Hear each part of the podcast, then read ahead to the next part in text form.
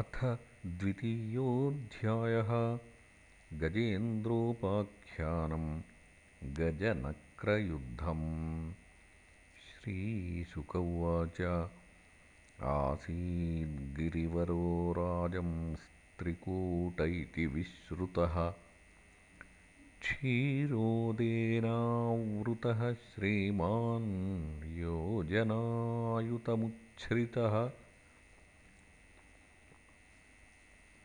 तावताविस्तृतः पर्यक्त्रिभिः शृङ्गैः पयोनिधिम्। दिशः खं रोचयन्नास्तेरौप्यायसहिरण्मयैः।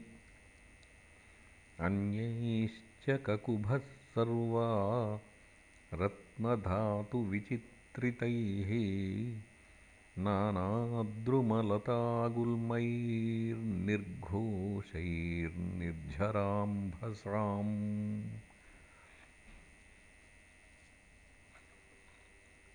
स चावनिद्यमानाङ्घ्रिः समन्तात्पयऊर्मिभिः करोति श्यामलां भूमिं हरिन्मरकताश्मभिः सिद्धचारणगन्धर्वविद्याधरमहोरगैः।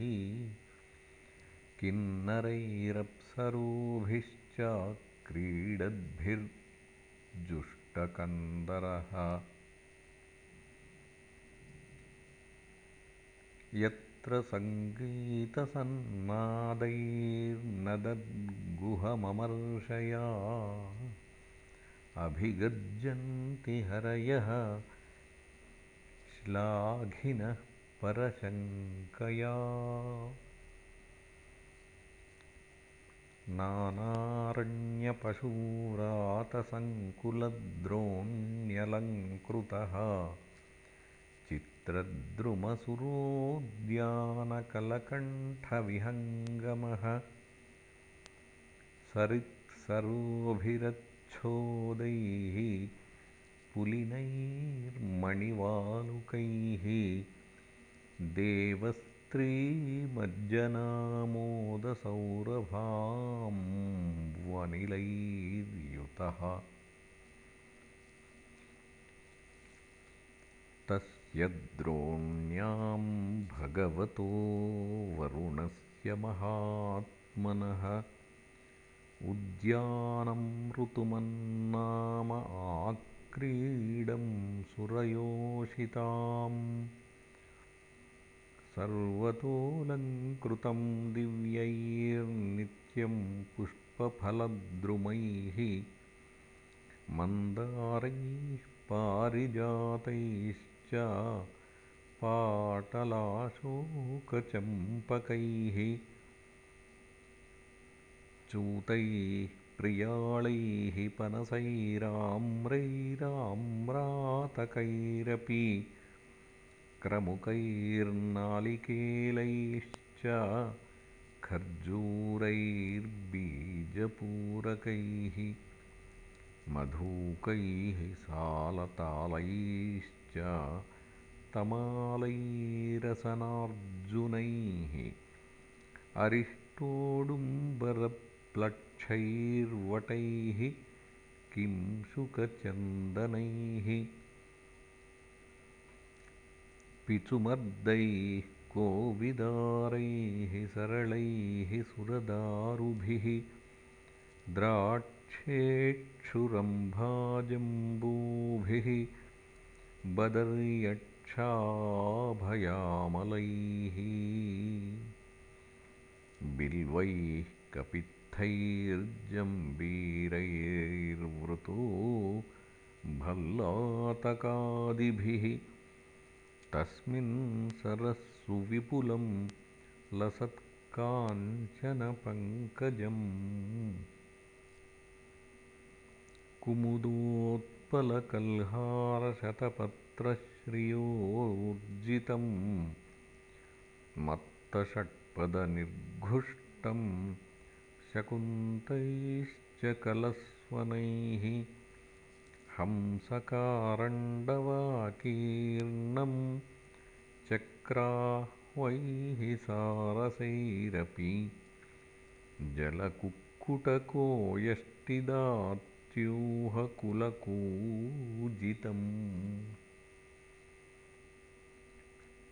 मत्स्यकच्छपसञ्चारचलत्पद्मरजः पयः कदम्बवेतसनलनीपवन्जुलकैर्वृतं कुन्दैः कुरवकाशोकैः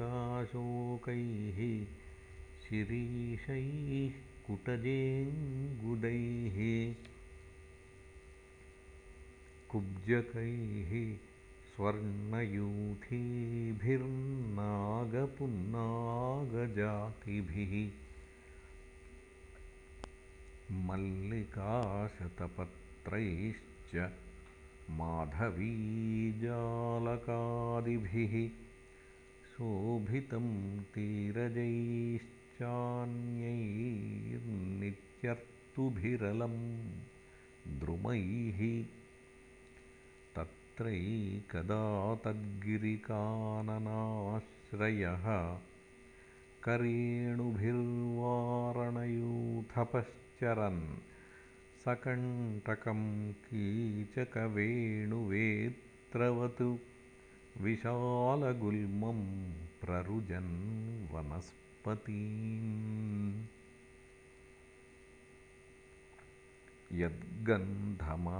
यद्गन्धमात्राद्धरयो गजेन्द्राः व्याघ्रादयो व्यालमृगाः सखड्गाः महोरगाश्चापि भयाद्रवन्ति सगौरकृष्णाः शरभाश्च मर्यः वृकावराहा महिषर्क्षशल्याः गोपुच्छशालावृकमर्कटाश्च अन्यत्र क्षुद्रा हरिणाशशादयः चरन्त्यभीता यदनुग्रहेण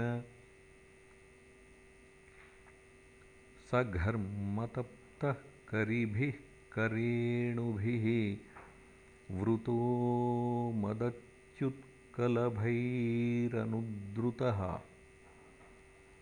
गिरिं गरिम्णा परितः प्रकम्पयन् निषेव्यमाणोऽलिकुलैर्मदाशनैः सरोनिलं पङ्कजरेणुरूषितं जिघ्रन्विदूरान्मदविह्वलेक्षणः वृतः स्वयूथेन तृषार्दितेन तत्सरोवराभ्यासमथागमद्रुतम् विगाह्यतस्मिन्नमृताम्बुनिर्मलं हेमारविन्दोत्पलरेणुवासितं पपौ निकामं निजपुष्करोद्धृतम्। आत्मानमद्भिः स्नपयन् गतक्लमः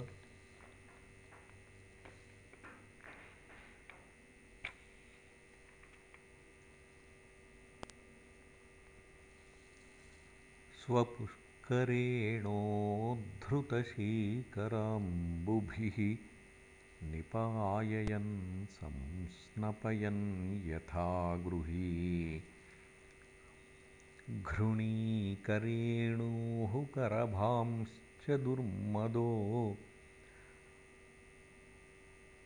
नाचष्टकृच्छ्रं कृपणो जमायमा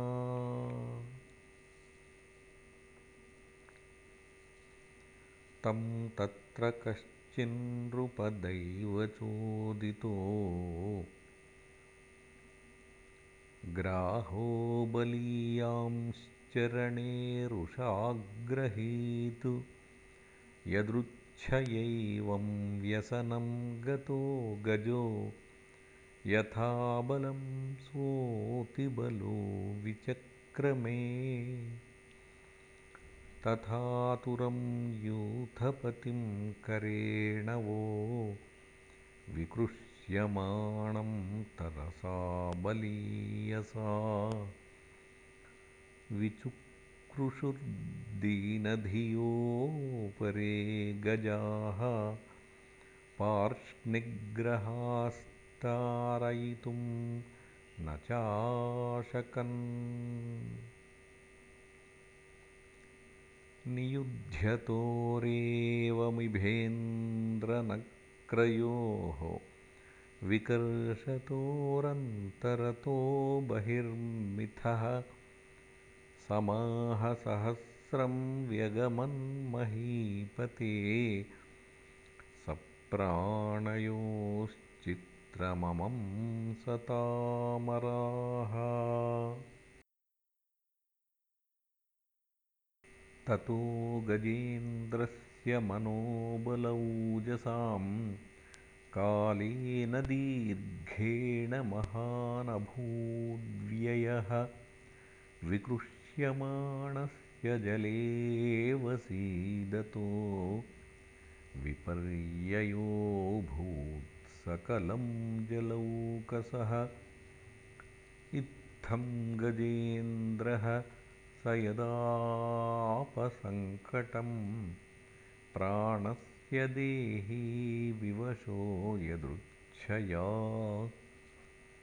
अपारयन्नात्मविमोक्षणे चिरं दध्याविमां बुद्धिमथाभ्यपद्यत। नमामि मे ज्ञातय आतुरं गजाः।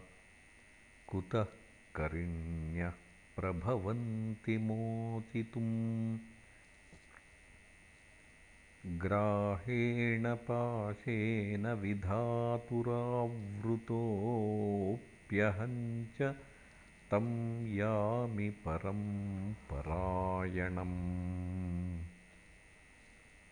यः कश्चनेशो बलिनोऽन्तकोरगात् प्रचण्डवेगादभिधावतो भृशम् भीतं प्रपन्नं परिपाति यद्भयात् मृत्युः प्रधावत्यरणं तमीमहि इति श्रीमद्भागवते महापुराणे पारमहंस्यां संहितायाम् अष्टमस्कन्धे द्वितीयोऽध्यायः